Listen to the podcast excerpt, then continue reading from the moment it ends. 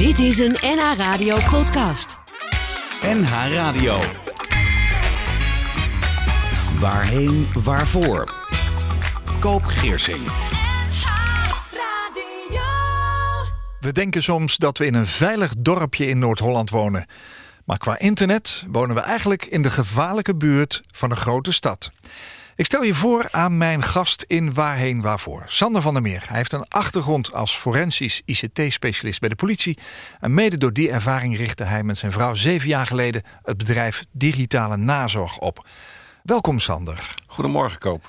Begin dit jaar ben je verder gegaan onder de naam Digital Funeral Professionals. En dat is een internationale naam, onder andere als gevolg van steeds meer internationale verzoeken over dit digitale vakgebied. Je bent inmiddels weg bij de politie, heb ik begrepen. Ja, daar zijn we alweer een tijdje bij vandaan inderdaad. Dus je bent helemaal nu um, zelfstandig professional in de digitale wereld. En ondernemer. En dat, uh, ik kan je zeggen, dat is best even wennen. Spannend. Ja.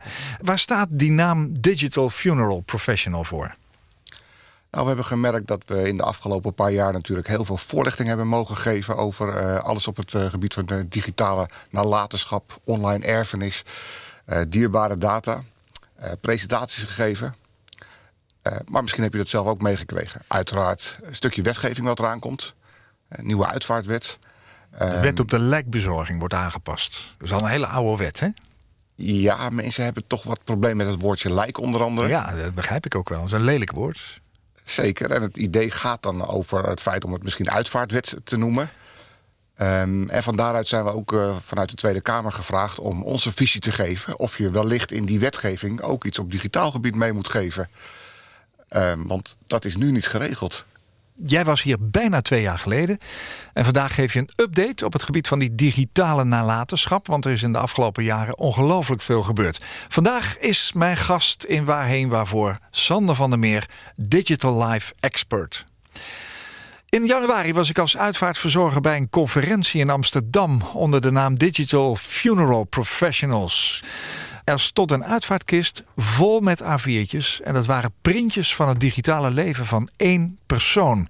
Wat een hoeveelheid. Dat geeft wel aan hoe belangrijk het is dat we weten hoe we daarmee omgaan, lijkt me.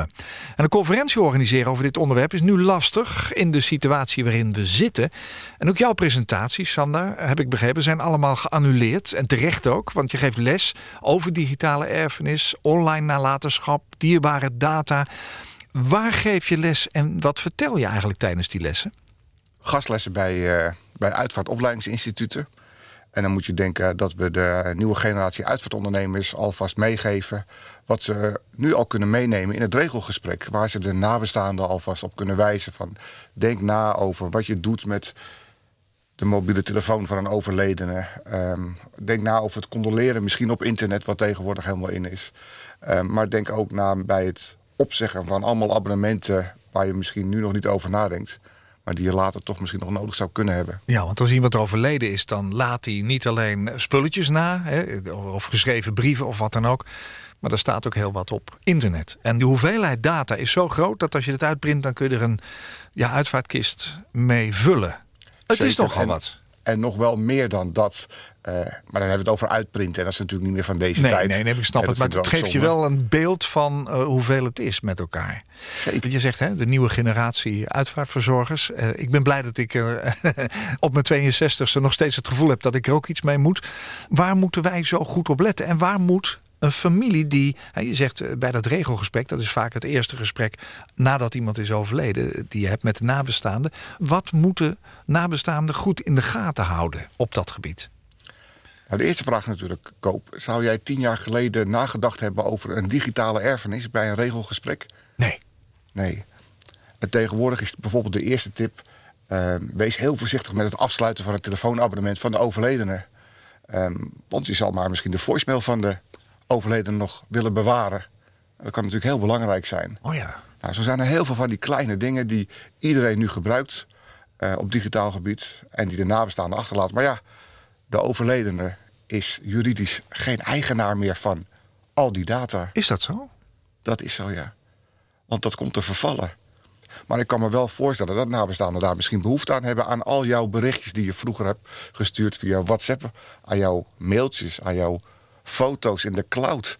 Hoe kom je daar nou bij als nabestaande? En zou jij daar niet over willen beschikken? Ja, ik, ik zal je een voorbeeld noemen. Uh, een tijdje geleden uh, appte mijn dochter... Pap, er staat nog een heel oud filmpje van mij online op YouTube. Wil je dat eraf halen?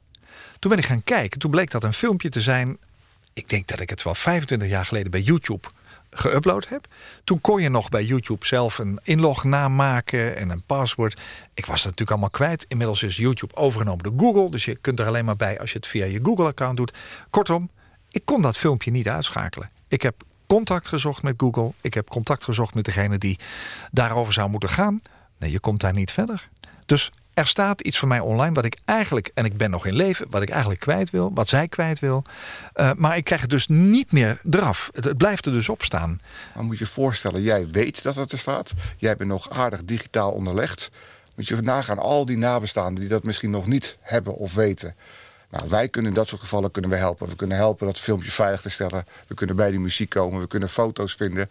En zo kunnen we toch die herinneringen, die digitale herinneringen aan die nabestaanden geven. En ik denk dat dat een meerwaarde kan zijn. Maar daar zitten ook natuurlijk nog wel wat complicaties aan en wat morele afwegingen. Ja, welke dan? Nou, je kunt je misschien voorstellen dat er dus al die digitale data die je achterlaat, gegevens staan die je misschien niet zou willen delen met jouw nabestaanden. Zoals? Foto's waar je dronken op staat of zo? Ja, nou zou ik dat misschien nog niet eens zo erg vinden, want ook dat is natuurlijk je leven. Aan de andere kant, ik vergelijk het wel eens met een dagboek. Uh, daar kunnen best dingen in staan die je misschien niet zou willen dat iedereen dat zomaar leest. Nee. Maar ook daar weer de vraagkoop. Nu is dat juridisch niet geregeld. Dus mijn vraag zou ook zijn: moeten we dat misschien in wetgeving vastleggen of niet? En ik ben ook benieuwd hoe jij er tegenaan kijkt. Nou ja, er is inderdaad niks over. En ik heb jou leren kennen een aantal jaren geleden. Er was een jonge vrouw overleden in de plaats waar ik woon. En ik ben daar als uitvaartverzorger gevraagd om te komen. En een van de dingen was, ja, ze had een bedrijf. Uh, ze had een vriend, maar die kon niet in haar computer. Dus ze wist ook niet wie moeten we benaderen, waar staan al die adressen. Ik heb geen foto's. Ze konden de computer niet ontsluiten, ze konden de telefoon niet ontsluiten. Want dat, ja, vaak is dat ook een privé ding. Ik weet niet of jij je paswoord van je telefoon, jij waarschijnlijk wel. Maar wie deelt dat nou met zijn vrouw of zijn vriendin? Ik heb heel veel digitale data, bankgegevens, dingen, die staan achter slot en grendel. Ik weet dat, maar eigenlijk deel ik dat niet met een ander. Omdat ik denk, als ik die passwords ergens ga vastleggen en ga delen... dan zijn ze dus ook voor een ander weer te zien. Dus het is ook een stukje angst. Toen heb ik jou gebeld. Jij was er diezelfde avond. Jij stond voor de deur. Je hebt die computer meegenomen en die telefoon. En de volgende dag kon je de familie in ieder geval die adressen geven... en heb je afspraken gemaakt over het ontsluiten van die telefoon. Ik zou er behoefte aan hebben dat dat geregeld is. Maar als je het in wetgeving regelt... is het dan ook bij nabestaanden geregeld? Nou, dat is een terechte vraag en dat is heel lastig. Kijk, als je mij vraagt van Sander, kun jij die kast openmaken... want daar staan allemaal ordners en foto's in... en daar willen we als nabestaande over beschikken... dan doet niemand daar moeilijk over. Nee. Maar als je dan probeert een wachtwoord te achterhalen van een telefoon of van een laptop... dan zijn er mensen die aangeven, ja, dat moet je misschien helemaal niet willen. Maar daar ga ik niet over. Het is natuurlijk de nabestaande die graag over die gegevens wil beschikken. Ja. Ik heb in de voorbereiding van dit gesprek ook wat dingen opgezocht op internet. Ik zie dat er nu veel meer partijen zich bezighouden met digitale nalatenschap. Je bent een, echt een pionier, want jij bent er ooit mee begonnen. Uit die partijen komt inderdaad ook wel eh, de opmerking als... je moet dat niet allemaal willen. Wat, wat is daar de reden van dat iemand zo denkt? Nou, ik denk voor je rouwverwerking is de, zou het een meerwaarde kunnen zijn. Maar je kunt je voorstellen dat als er zaken naar boven komen die je niet zou willen weten dat het toch best lastig is. Ehm, en andere partijen die waarschuwen daarvoor. Nou, dat vind ik ook een goede overweging. Ehm, maar er zijn ook mensen die zeggen van schrijf al je gebruikersnamen en je, al je wachtwoorden op. Dan kan iedereen daarbij. Maar weet je wat het is, Koop? Je mag niet inloggen met het account van een overledene. Dat is juridisch officieel niet toegestaan. Is dat zo? Hoe ga jij dan te werk? Nabestaanden worden eigenaar van een telefoon of een laptop. En ik mag proberen om dat wachtwoord dan te kraken. Want hun zijn tenslotte eigenaar. Oh ja. Maar in hun mag opdracht mag het wel. Dat mag wel. Het zijn fysieke goederen, die kun je vasthouden. Ja. Maar je Facebook-account of je mail-account, dat kun je niet vasthouden. En als je daarmee gaat inloggen met de gegevens van een overledene... en dan ga ik even uit van de goede bedoelingen natuurlijk. Ja, een soort identiteitsverhouden lijkt het wel dan. Inderdaad, ja. En stel nou dat het zwarte schaap van de familie... met die gegevens aan de haal gaat Nou, ik vind het een uitdaging. Ja, dat geloof ik best. Hey Sander, heb je last van eh, de situatie op het ogenblik? Want jij geeft veel lezingen en ik heb al gezegd, ja, die gaan nou allemaal niet door. En dat is ook wel terecht. Maar goed, eh, dat is toch wel een beetje je leven, hè? Hier vertellen, daar vertellen. Ja, al mijn presentaties zijn allemaal geannuleerd voor het, nou, bijna het komende half jaar. Ja. En het zijn er best veel, ook de gastlessen. En dat begrijp ik heel goed, hè, want nogmaals, de doelgroep eh, die daarop afkomt is toch vaak wat ouder. En ja, we zouden natuurlijk niet willen dat daar de gezondheidsproblemen door komen. Maar dit biedt ook weer kansen. Want het geeft maar weer aan hoe belangrijk het is, die digitale erfenis. We gaan nu over op thuiswerken, op telewerken, videoconferencing. Mensen kijken nog meer naar televisie, online, filmpjes, radio. Dus ja, nogmaals, ons hele leven wordt alleen maar meer digitaal. En dus ook de herinneringen daaraan. Ja, wat leer je zelf van deze tijd? Nu we eh, toch thuis moeten werken van de baas. Is ook verstandiger natuurlijk, hè, als je de overheidsregels eh, er een beetje op naslaat. Hoe kijk je er tegenaan? Nou, weet je wat ik zo bijzonder vind? Net ook dat ik eh, jou weer tegenkwam. Het eerste wat je tegenwoordig vraagt is: hoe gaat het met je? Is alles gezond? En het lijkt wel of dat belangrijker wordt. We gaven het net al aan. Als je op de weg kijkt, het is rustig. Maar je hoort vogels. Ehm, het water wordt weer helderder. Het lijkt wel of mensen iets meer tijd voor elkaar hebben. En ik zou willen, hopen, dat dat ook hierna nog zo blijft. het ogenblik doen we een grote aanslag volgens mij op de digitale wereld. Want ze zijn allemaal nu online tegelijkertijd. Is dat in deze periode een, een zwaardere belasting dan zeg maar de weken daarvoor? Ja, nou, ik denk dat we qua- in Nederland qua techniek heel ver zijn en dat het allemaal goed te doen is. Maar je werkt wel dat eh, Netflix wordt nu veel meer bekeken dan vroeger. ja. YouTube, Spotify, noem maar op, al die digitale diensten. Ja. We gebruiken inderdaad videoconferencing om met elkaar te vergaderen. Ja. Ja, en dat was natuurlijk tot voor kort in een aantal gevallen ook zo. Maar nu is het overal. En voor een hoop mensen, ook voor mezelf, is dat best wel even lastig. Dat warme contact, dat ben je even kwijt. Ja, en je moet het nu gek. zakelijk doen door middel van techniek. Dat is waar. Ja, Sander van der Meer is vandaag mijn gast in Waarheen Waarvoor. Hij is een digital life expert. Sander, twee jaar geleden eh, was je hier en had je drie liedjes meegenomen die je, dat vroeg ik ook aan je, bij je eigen uitvaart zou willen laten horen. Baker Street weet ik nog, Jerry Rafferty, eh André Hazes Jr., Leef. Weet je de derde nog? Avicii. Ja, Die was toen net ja, het- overleden. Het, house-nummer. Wake Me Up. Ja. Ja. Maar ook wel de realiteit van eh, dat moment. hè. Zo'n jonge jongen die, die onder druk van de, ja, zeg maar zijn eigen succes ten onder gaat. Je hebt vandaag drie andere liedjes meegenomen. Vind ik ook wel weer fijn eigenlijk. Die je erg mooi vindt. Maar die zijn ook enigszins corona gerelateerd. Begrijp ik. Ik vind het wel grappig dat je die link dan gelegd hebt. Waarom? Ja, ik, ehm, nou, wat ik net al aangaf. ehm, mensen komen in dit soort tijden wat meer tot bezinning. Je bent thuis, je hebt je mensen om je heen. Je hebt wat meer tijd voor jezelf en je familie. Ehm, en ik merk dat dan ook eh, liedjes, die hoor ik nu meer... eh, wat erachter zit. En eh, dat geeft een bepaalde waarde. En de liedjes die ik nu heb aangegeven, die, nou, die vind ik wel toepasselijk. Ja. We gaan eerst naar 17 miljoen mensen luisteren. Waarom die? Ehm, nou, ik vind dat het nummer is bekend van 15 miljoen mensen. En je ziet nu in een hele korte tijd hebben we heel veel eh, mensen bijgekregen. En het eh, toont en het geeft ook maar even aan hoe belangrijk het is dat we met z'n allen proberen hier doorheen te komen. Ik zou eigenlijk juist nu een arm om je heen willen slapen. Zoveel nieuws, zo stil is het op straat. Een elleboog was nooit zo beschaafd en er is wel meer raars, want... Bel mijn moeder met een trilling in de stem. Door wat er moest van de minister-president. Goed bedoeld, stiekem best een beetje eng.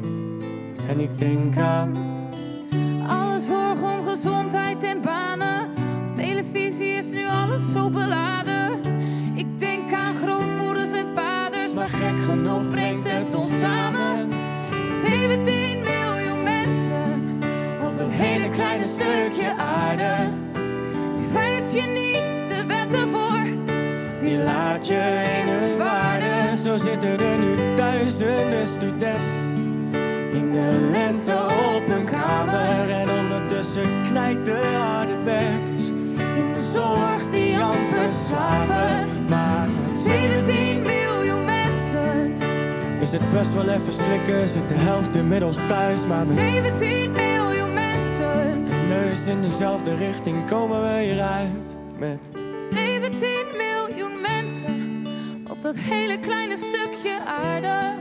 Die schrijf je niet de wetten voor, die laat je in hun waarde. 17 miljoen mensen. Wat een prachtig liedje, Davina Michelle. En snelle in een combinatie. Heel kort nummer ook eigenlijk, 1 minuut 47. Eh, dit blijft wel in je geheugen, hè? Zou je Ja. draaien op je uitvaart, als je daarover nadenkt? Eh, nou, het zorgt er wel voor dat je een snelle doorloop hebt in de uitvaart op die manier. Ja, een Ehm, kleine twee minuten. En ja. het bijzondere is ook, dit nummer is opgenomen in een lege Ahoy. Ook wel weer heel bijzonder natuurlijk. Ja, maar ik zie dat deze tijd ook heel veel creativiteit met zich meebrengt. Eh, Waardoor je ook ziet dat artiesten ehm, nou, online zich presenteren. Kunnen niet naar mensen toe gaan in zalen. Er kan geen publiek bij zijn. We zien uitzendingen waar publiek, waar lege bankjes ook in beeld staan. Dat denk ik, oh, dat vind ik ook wel mooi. Je maakt het ook bewust dat er niemand bij kan zijn. Waarbij je ook een soort voorbeeld geeft van hè, de laatste wereld draait door. Was natuurlijk ook zonder eh, studiopubliek.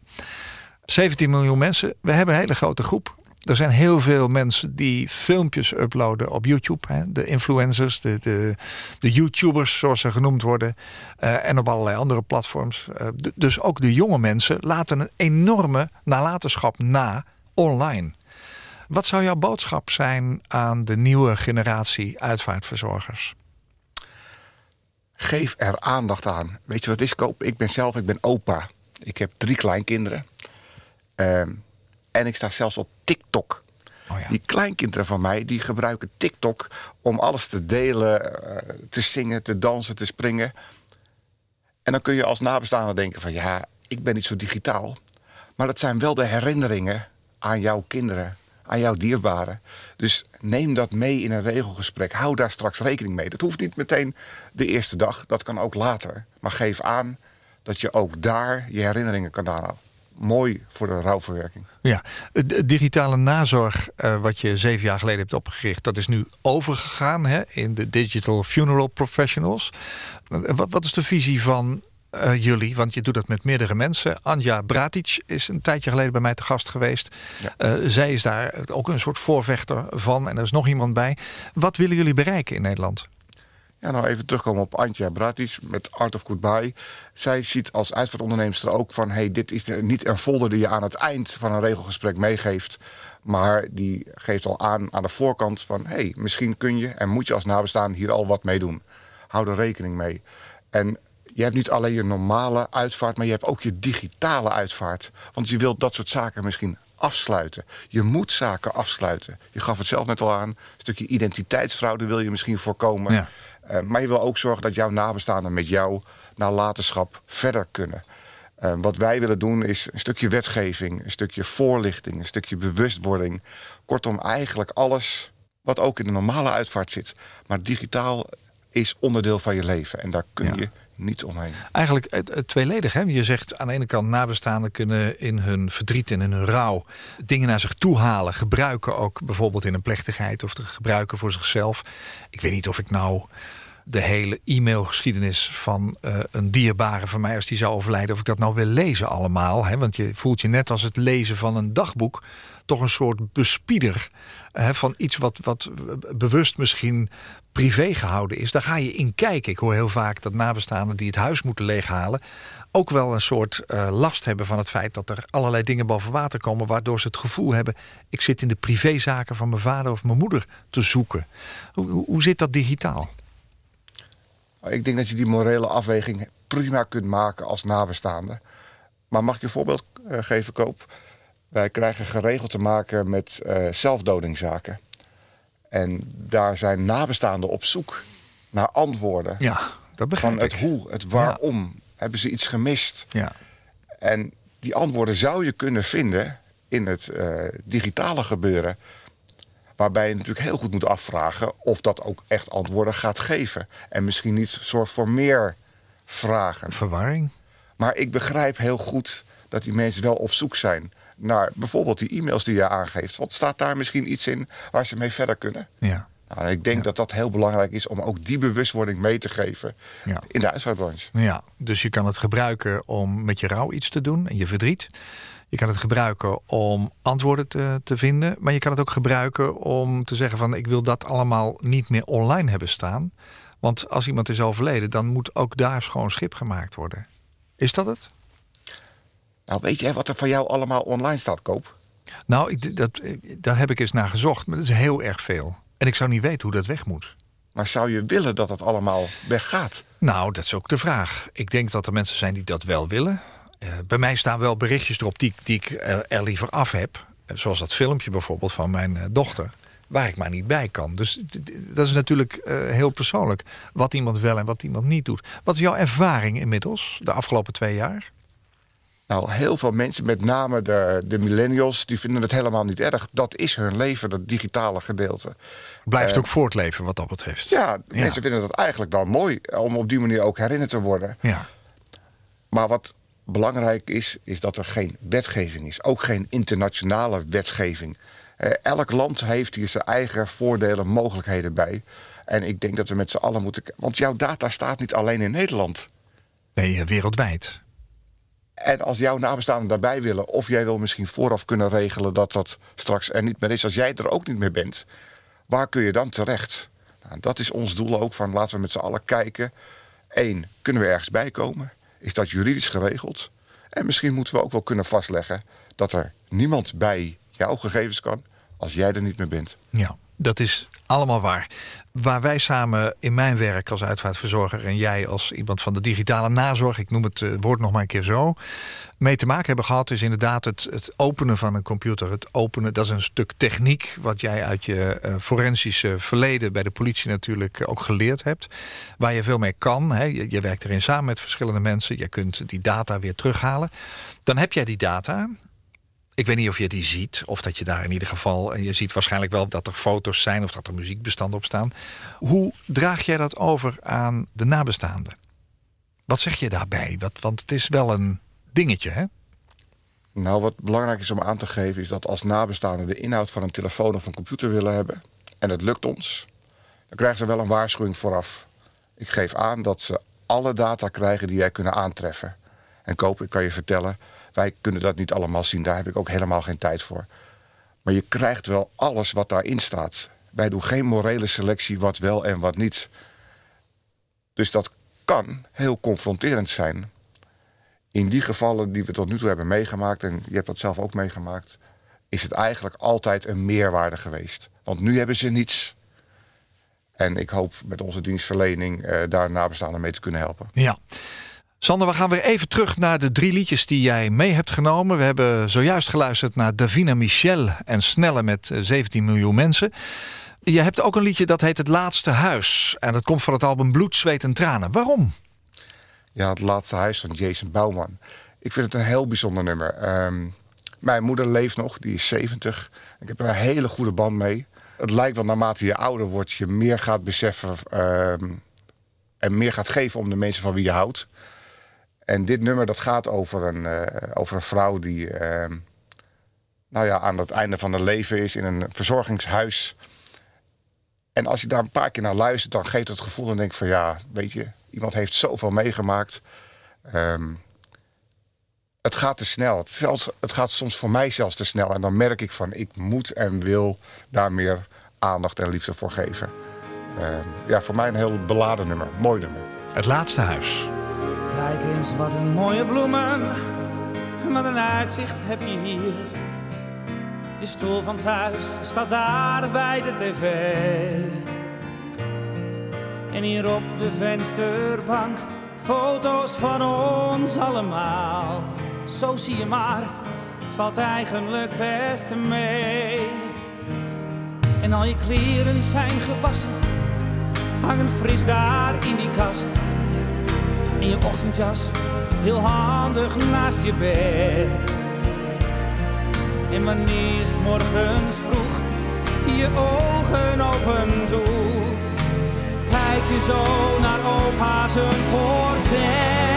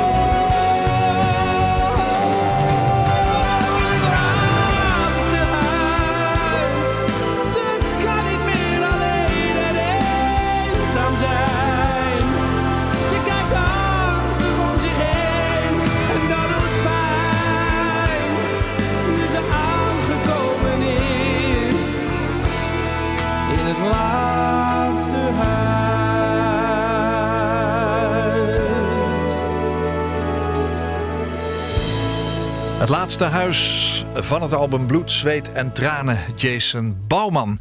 Dat was jouw tweede liedje, Sander. Sander van der Meer, hij is vandaag mijn gast in Waarheen Waarvoor. Het is best een pittig onderwerp, hè? De, de digitale voorzorg en de digitale nazorg. Voor heel veel mensen zal dat niet veel zeggen. Mijn moeder is 88 jaar en zij eh, heeft afgezworen om iets met internet te doen. Dus dat betekent dat ze, heeft wel een laptopje en ze heeft ook internet in huis, maar dan komt mijn zusje bij haar, want die woont in de buurt. En dan gaan ze samen even door de bankzaken. En dan lopen ze even door een paar dingetjes heen. En als ik al eens een keer een fotootje gestuurd heb, dan kan mijn zus Ellen dat laten zien. Maar zij zelf heeft daar geen enkel gevoel mee. Ze heeft dus ook eigenlijk geen digitaal leven op internet. Maar er zijn er steeds meer. Jij zegt onze samenleving vraagt om digitale voorzorg bij leven en digitale nazorg bij overlijden en de juiste ondersteuning daarin. Welke digitale voorzorg wil je bij leven geven? Koop, vraag je eens af, wie heeft er nu geen mobiele telefoon in Nederland? Jij zegt, Mijn moeder heeft er een, dat is waar. oké. En wellicht heeft ze misschien ook de voicemail. Nee, dat niet. Maar ik begrijp dat er heel veel mensen zijn die dat wel zullen hebben. En als iemand dan komt te overlijden, dan ga je de familie bellen. Maar ja, waar vind je die gegevens? Ja, Die staan ook in die mobiele telefoon. En daar moet je maar bij kunnen. ja. Kortom, ik moet me vaak verdedigen over... ja, dat digitale, dat is meer iets voor de jeugd. Maar dat is niet zo. Nee, wat is dan je doelgroep wat dat betreft? Tweeledig, dat zijn voor de mensen bij leven...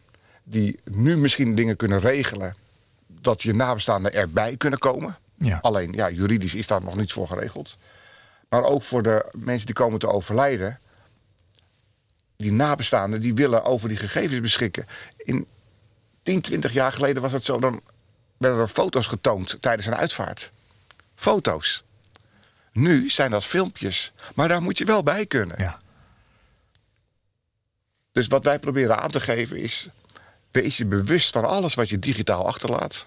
Zorg dat je nabestaanden daarbij kunnen komen. Of niet, maar zorg ook dat het geregeld wordt. ja. Als toevoeging op alle andere dingen die je moet regelen bij leven... om je nabestaanden toegang te geven tot bankgegevens. Waar ligt het boekje? Waar liggen mijn wensen, mijn uitvaartwensen? Je moet ze wegwijs maken, maar dat moet ook digitaal. Ja, waarbij het eh, in de presentaties en in de gastlessen vaak gaat over het feit... dat je digitaal nu niets kunt regelen. Nee, Want er is geen wetgeving voor. er is geen wetgeving Nee. voor. Oh ja. ja. En dat vind ik heel bijzonder. Ja. Echt heel bijzonder. Toen ik op dat seminar was in januari, hè, wat door jou en je collega's georganiseerd is, toen sprak daar ook iemand uit de politiek. Hoe, hoe staat de politiek hierin op dit moment? Je zei straks al eerder in de uitzending van wij, wij, wij worden in de politiek ook gevraagd om onze visie over de digitale nalatenschap te geven. Waar staat de politiek op dit moment? Nou, dat was inderdaad eh, Jan Middendorp die namens de VVD aangaf dat eh, ook dat hele digitale gedeelte in een stukje wetgeving zou verankerd moeten worden. En het is wel goed dat de politiek daar nu ook over nadenkt. Ja. Ehm, maar je snapt ook dat natuurlijk die wetgeving niet 1, 2, 3 geregeld is. Wat ik wel fijn vind om te zien, is dat ze dat gedeelte mee proberen te nemen, ook in de uitvaartbranche. Want die link die leg je natuurlijk niet zo snel. En ik snap dat de uitvaartwet gaat eigenlijk over alles wat er met het lichaam gebeurt hè, na het overlijden. Mhm. Maar diezelfde vraag kun je ook neerleggen. Wat gebeurt er met het digitale gedeelte? Ja. En wie kan daarover beschikken? ja. Dus de politiek is daarmee bezig. Maar ook nog een uitdaging. Heeft nog geen tempo gemaakt, zullen we maar zeggen. Nou, als we alleen al kijken naar bijvoorbeeld de donorwet, daar hebben we 15 jaar over gedaan. Dus een uitvaartwetgeving Ja. Kan zomaar even nog eh, even op zich laten wachten. Ja, ik zei al, hè, tegenwoordig spreken we nog steeds over een hele oude wet... die al heel erg lang bestaat, de wet op de lijkbezorging. Dat is een wet waar heel veel dingen in staan... waar je rekening mee moet houden. Bijvoorbeeld dat er na het overlijden zes werkdagen zijn... om iemand te cremeren of te begraven. Dat als je langer wil, dat je, dat, dat je daar een uitstel voor moet vragen. Dat je je lichaam ter beschikking kan stellen... of kan laten begraven of kan laten cremeren. Terwijl er ook al nieuwe vormen zijn van en dat noemen ze dan lijkbezorging, hè, met dat lelijke woord. In die wet staat nu nog niets over de hele digitale nalatenschap. En dat begrijp ik wel, want die wet is al zo oud als de weg naar Rome, bij wijze van spreken. In de politiek zijn ze er wel mee bezig. Hoe is het? Zijn wij in Nederland verder dan in de rest van Europa? Want straks zei je, wij zijn ons digital funeral professionals gaan noemen... omdat wij veel aanvragen vanuit het buitenland krijgen. Hoe is het in de landen om ons heen georganiseerd? Nou, dat is per land zelfs nog verschillend. Ehm, we zijn bezig om te kijken of we dit jaar de Digital Legacy Conference naar Nederland kunnen halen. Dat is. De eh, digitale nalatenschapconferentie. ja, Ja. eigenlijk wel. Ja. Ehm, de evenknie van ons, dat is James Norris in Engeland. Die is hier al jaren mee bezig om ook dit onder de aandacht te krijgen, ook op internationaal gebied. Ehm, en het blijkt maar weer dat we met z'n allen eigenlijk hetzelfde willen, juridisch. Maar dat het dus per land nog steeds verschillend geregeld is. En ik denk dat we daar iets eh, ja, op internationaal niveau over moeten afspreken. Werken jullie samen, die landen, onderling? Vandaar ook de uitnodiging om te kijken of ze we dit jaar naar Nederland kunnen halen. Ja. Want eh, elk jaar wordt het weer een ander jullie land organiseren, gehouden. maar het komt uit een ander land. Ja, en Ja. er worden allemaal internationale sprekers ook eh, naar voren gehaald... die kunnen aangeven hoe we dit met z'n allen kunnen oplossen. Ehm, maar ook hoe landen daar verschillend naar kijken. In Amerika is het bijvoorbeeld in een aantal eh, staten zo... dat je wel recht hebt op iemands nalatenschap. In Duitsland is er een uitspraak geweest... dat nabestaanden recht hebben op een Facebook-account van een overledene. Maar dat geldt weer niet voor Nederland. Oh ja. Nou, je snapt al, daar is een diversiteit aan oplossingen voor. Ja, nou goed, dat zit ook weer in die wet op de lijkbezorging. Hè? Asbestemming bijvoorbeeld. Iemand is gecremeerd, er is as. In Nederland moet je een maand wachten voordat je die as kunt ophalen. In andere landen eh, gaat dat heel anders. Mag je bijvoorbeeld geen as hebben of eh, kun je de as meteen meenemen, bij wijze van spreken. Dus er zijn inderdaad heel erg veel verschillen. Gaat dat ooit gelijk worden dan? Is, moeten we dan toch denken aan een soort Europese wetgeving? Ik denk dat het op digitaal gebied wel gelijk zal moeten. Ja. Ehm, maar ik denk dat op fysiek gebied dat dat gewoon op eh, nationaal niveau geregeld zou moeten worden. Want je geeft zelf al aan inderdaad de as na 30 dagen. Maar er zijn nu ook vragen om te kijken of je mensen bij elkaar kunt begraven. Of tegelijk eh, in één kist als het ware.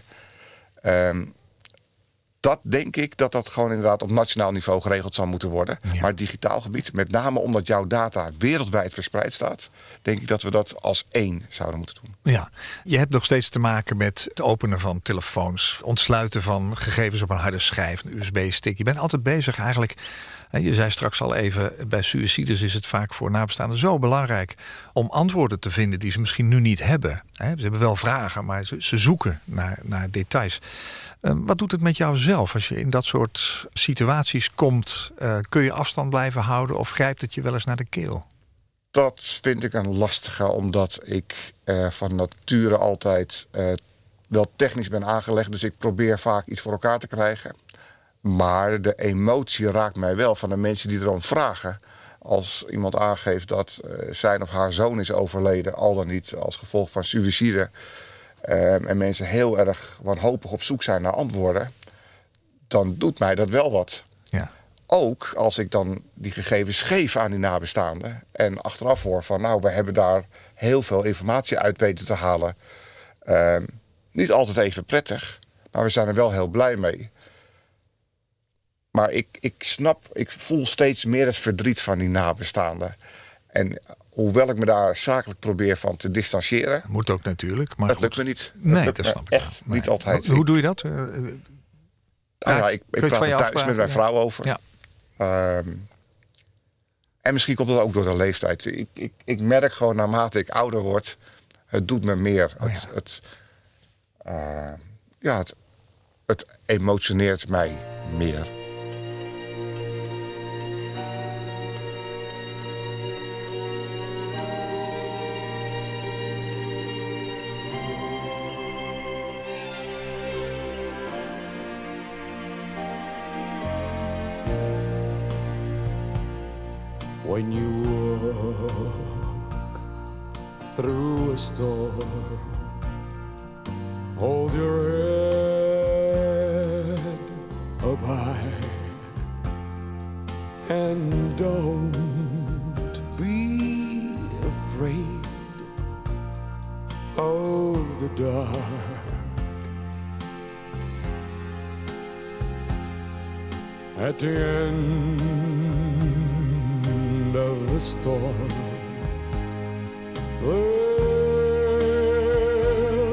Golden sky and a sweet silver song of love.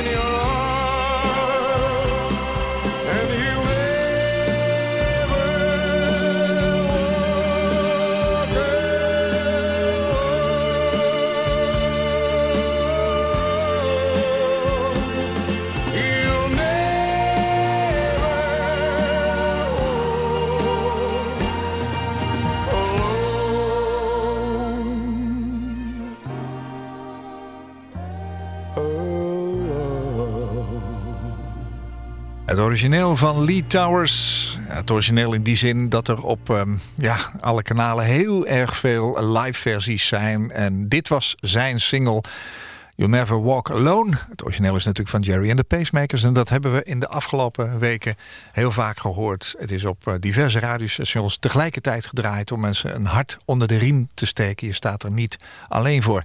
Dus het derde liedje uit de serie waarvan ik je gevraagd heb ze mee te nemen. Stel dat je morgen zou overlijden. Welke drie liedjes moeten dan eh, gehoord worden, Sander? En, en dit was nummer drie. Waarom?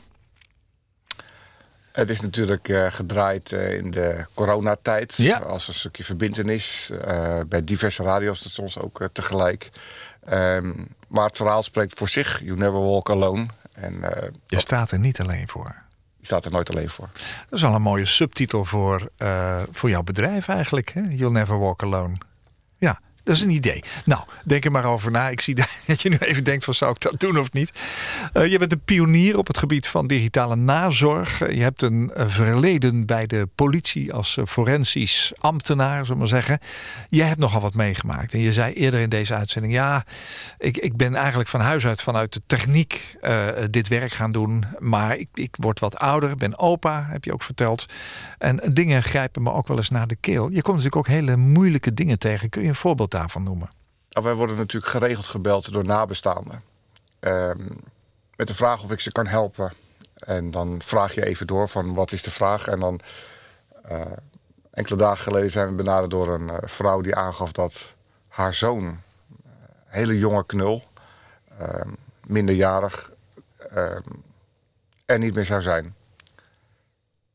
En de vraag was of wij nog wat gegevens van zijn telefoon konden afhalen. En nou ja, de eerste technische vraag is dan uiteraard van wat is voor een telefoon? Nou, zegt ze, het zijn er eigenlijk vijf. Vijf telefoons. En dan denk je bij jezelf, hé, hey, dat is bijzonder. En ze gaf aan, ja, u zult het misschien wel vreemd vinden, maar ehm, onze zoon was eh, autistisch. En die gebruikte die telefoons als een soort frisbee. En daar moest ze ook nog wel enigszins bij lachen. En ik had ook zoiets van, ja, dat is ook wel heel bijzonder natuurlijk. En al die telefoons waren in een hele korte tijd allemaal defect geraakt door... Uh, Frisbeeën. Door frisbee als het ware. Ja. Maar de achterliggende gedachte was, die jongen die kon af en toe wat woedeaanvallen krijgen. En daarmee gooide hij met die telefoons. Um, maar juist die afstand die hij had met zijn ouders of met uh, andere mensen in zijn omgeving dat kon hij kwijt op zijn telefoon. Dus ik snap de vraag heel goed en ik snap ook het gevoel daarbij.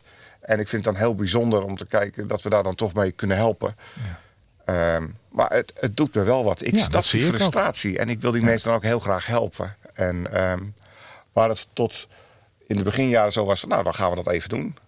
Snap je nu de echte reden daarachter? En dat, dat, dat drijft mij om die mensen te helpen. Ja. Gaat het lukken met die, met die vijf kapotte telefoons? Want wat heb je dan nog? Um, het gaat uiteindelijk zeker lukken. En het bijzondere is, um, vaak willen mensen in een telefoon komen of in een laptop omdat ze de code niet weten. En nu gaf deze vrouw aan van nou, de code is even als voorbeeld 1, 2, 3, 4. Ja. Want onze zoon was autistisch oh ja. en dat is altijd zijn code geweest. Oh ja. Dat is ook natuurlijk bijzonder, hè? Want je krijgt niet vaak een opdracht dat nabestaanden wel de code weten. Jacob, het gaat ons lukken en we kunnen die mensen straks helpen. Ja, dat is waar je het voor doet, denk ik, hè? Zeker. Ja, ja. dat stukje politiek is, is ook eigenlijk is mooi. Hè? Want je, je wil natuurlijk dat je visie ook gedragen gaat worden. Straks in een stukje wetgeving. Je hebt ook eerder verteld dat er ook wel vanuit het veld meer partijen aan het opkomen zijn die zich hiermee bezig houden. Jij was eigenlijk als pionier de eerste, zullen we maar zeggen. Hoe voelt dat? Ben je daar blij mee dat iedereen dit nou oppakt?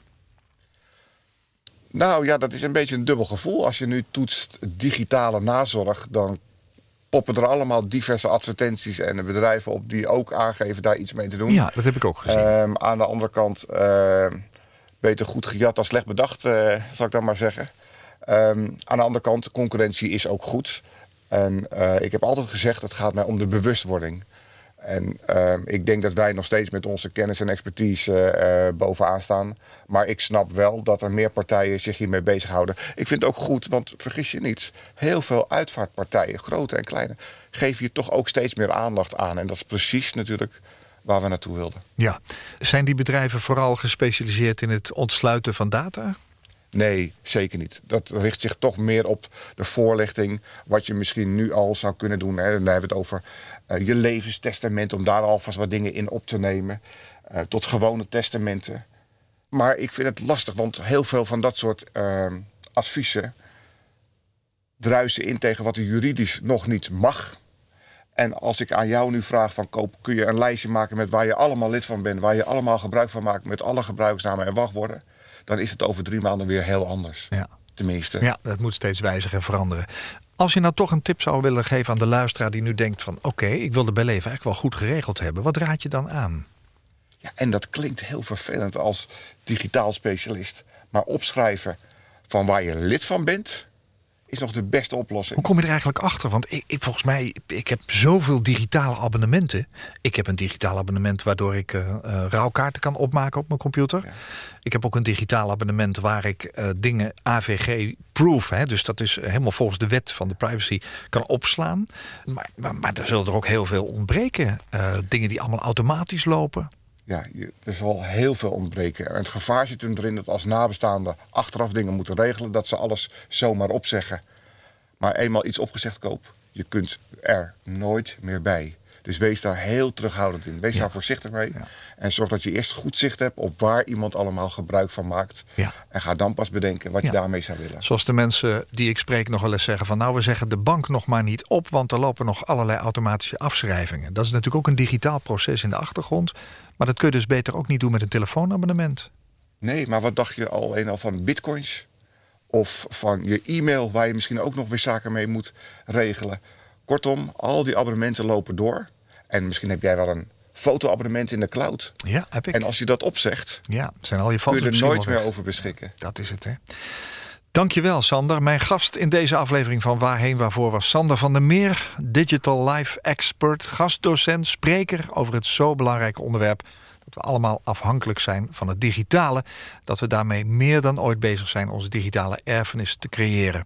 Onze samenleving vraagt om digitale voorzorg bij leven en digitale nazorg bij overlijden. En de juiste ondersteuning daarin. En jij hebt van je passie je werk gemaakt, Sander. Dank dat je hier wilde zijn voor de tweede keer. Dankjewel voor deze mooie morgen. Ga je goed. Koop Geersing. Als jij een keer te gast wilt zijn in Waarheen Waarvoor om te vertellen over jouw levensreis, laat me dat dan weten via waarheenwaarvoor@nhradio.nl. Waarheenwaarvoor@nhradio.nl.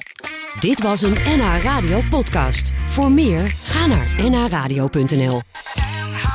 Radio.